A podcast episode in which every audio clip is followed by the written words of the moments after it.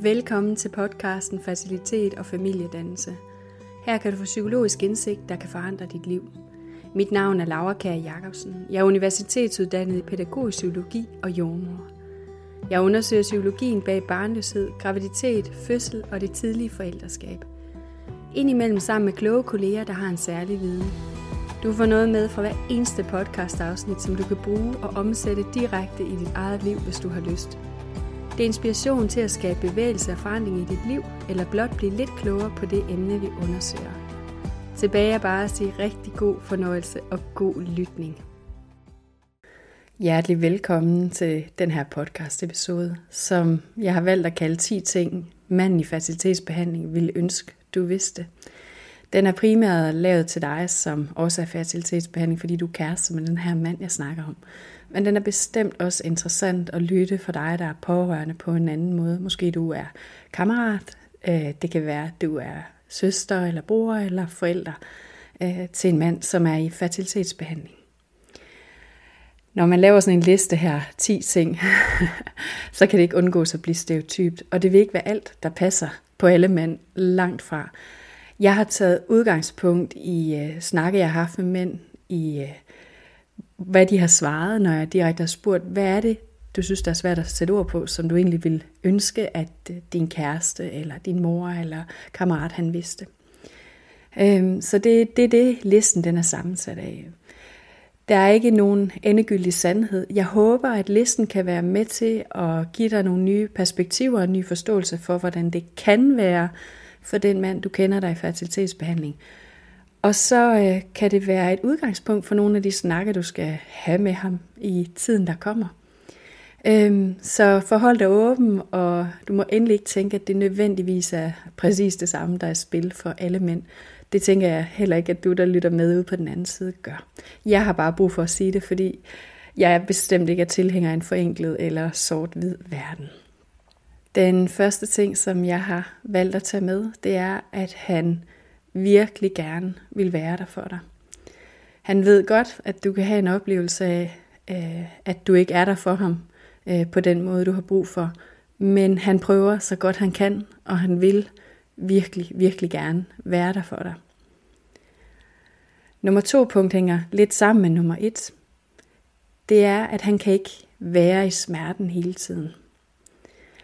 Og det er også en af grundene til, at han måske ikke helt øh, føler, at han kan være der for dig på den måde, du har behov for, eller at du udtrykker over for ham, at du savner ham i jeres øh, fælles udfordringer omkring øh, faciliteten. Men en af de ting, som flere mænd svarer, når jeg bringer det her spørgsmål op, hvad er det egentlig, der kunne være rart, at din kæreste forstod, så er det det her med, at han faktisk har brug for at komme lidt væk fra det tunge og det svære og det smertefulde for at kunne være i det sammen med dig. Så det kan være en enorm hjælp for ham at gøre det, som er punkt nummer tre på min liste. Ofte så er den bedste hjælp for ham faktisk, at øh, han får tid og plads til sine venner, hans hobby, hans sport, hans arbejde, at han får lov og mulighed for at trække sig ind i noget andet, så han ikke hele tiden skal være i smerten. Ind i noget, der gør ham glad og får ham på andre tanker, eller betyder, at han kan bearbejde de tanker, han har på en rigtig god måde, mens han for eksempel bevæger sig, eller er fordybet i et eller andet hobbyarbejde, eller i sit eget arbejde. Når han får tid og plads til det, så får han også mulighed for at samle energi og kræfter og samle sine tanker, så han kan være sammen med dig i det, der er smertefuldt. Og når vi nu er ved emnet samtale, så vil jeg tage punkt nummer 4 op. Og, øh, og det handler simpelthen om, at det giver ham overskud, at de også kan tale om andre ting end facilitetsbehandling. Og det er klart, at du kan være så langt nede, at du kan have enormt svært ved det. Det er hele tiden noget, du skal tage med i, når du lytter her, at det her, det er jo ønsker i den ideelle verden. Du står på den anden side med en smerte. Og intentionen med den her podcast og de her punkter, det er egentlig at øge din forståelse, så der kan være en ro omkring, at I hver især får lidt mere plads til det hele. Jeg kommer til at lave et afsnit øh, tilsvarende det her for kvinder. Punkt nummer 4, det er, at det giver ham overskud, at I også kan tale om andre ting.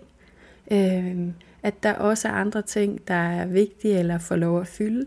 Og det må gerne være nogle glade og lette ting. Øhm, så hvis du kan være med på det, så er det noget af det, der sådan kan virke forfriskende for ham.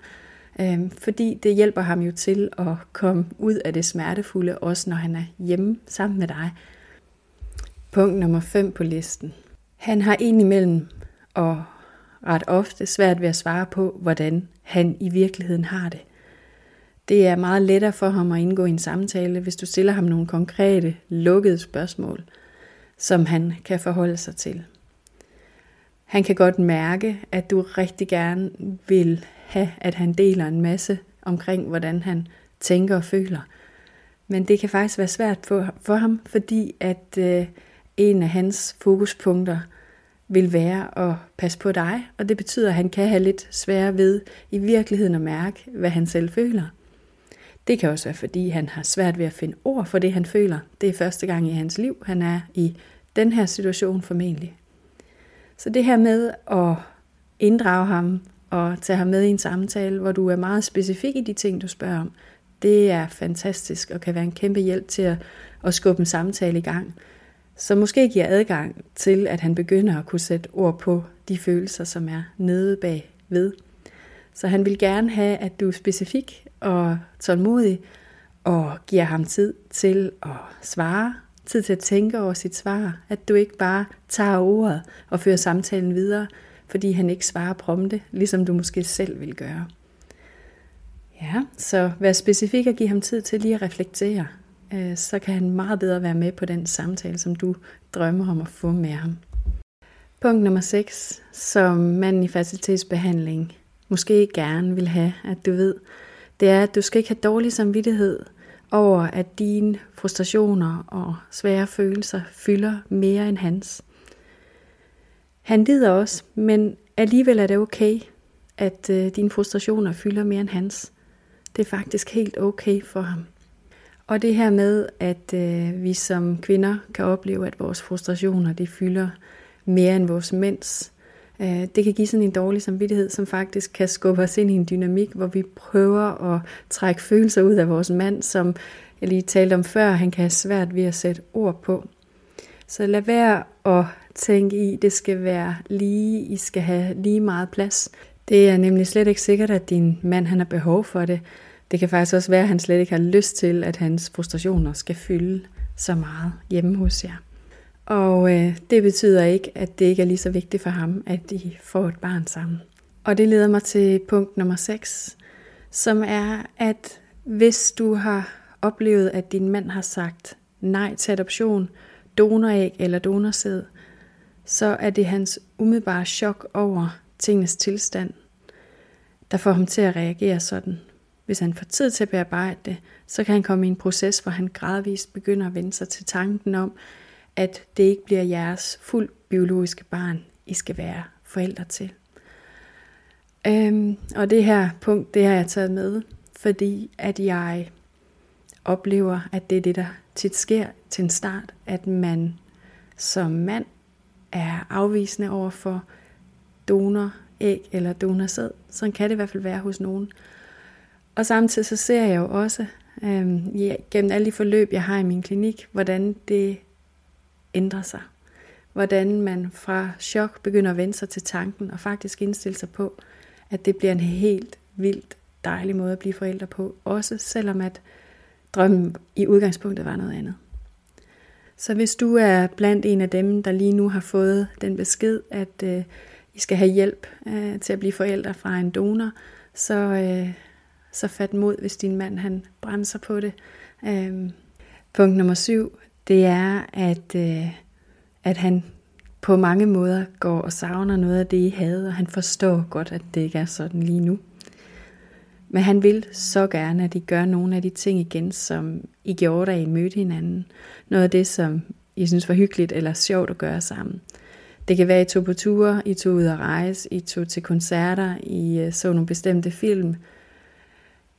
Men uanset hvad det var, lige præcis I har gjort, så vil det være rigtig dejligt for ham, at I begyndte at tage fat på nogle af de ting igen, Også selvom det måske ikke føles på helt samme naiv, lykkelig måde nu, hvor I er i den her livssituation, så vil det være noget, der vil gøre ham rigtig glad. Punkt nummer 8, som han gerne vil have, at du ved, øh, det er, at hvis han ændrer adfærd, så har han det virkelig svært. Og et eller andet sted, så vil han gerne have, at du faktisk er den, der tager knoglen og ringer efter noget hjælp til ham. Eller finder noget hjælp til ham, eller engagerer en kammerat, eller sender ham afsted på en kanotur med vennerne. Hvad det kan være. Han kan have rigtig meget brug for, at du er den, der skubber ham afsted, øh, hvis du mærker, at han trækker sig og ændrer adfærd. Fordi du sidder måske og tænker, jamen hvad er det at ændre adfærd? For det er klart, at hvis man er i et langt, slidsomt facilitetsforløb sammen, så vil man jo ændre adfærd. Man ville måske begynde at, at sige nej til nogle aftaler, eller ja, det er selvfølgelig ikke givet, at man ændrer adfærd. Det er vigtigt for mig at få sagt.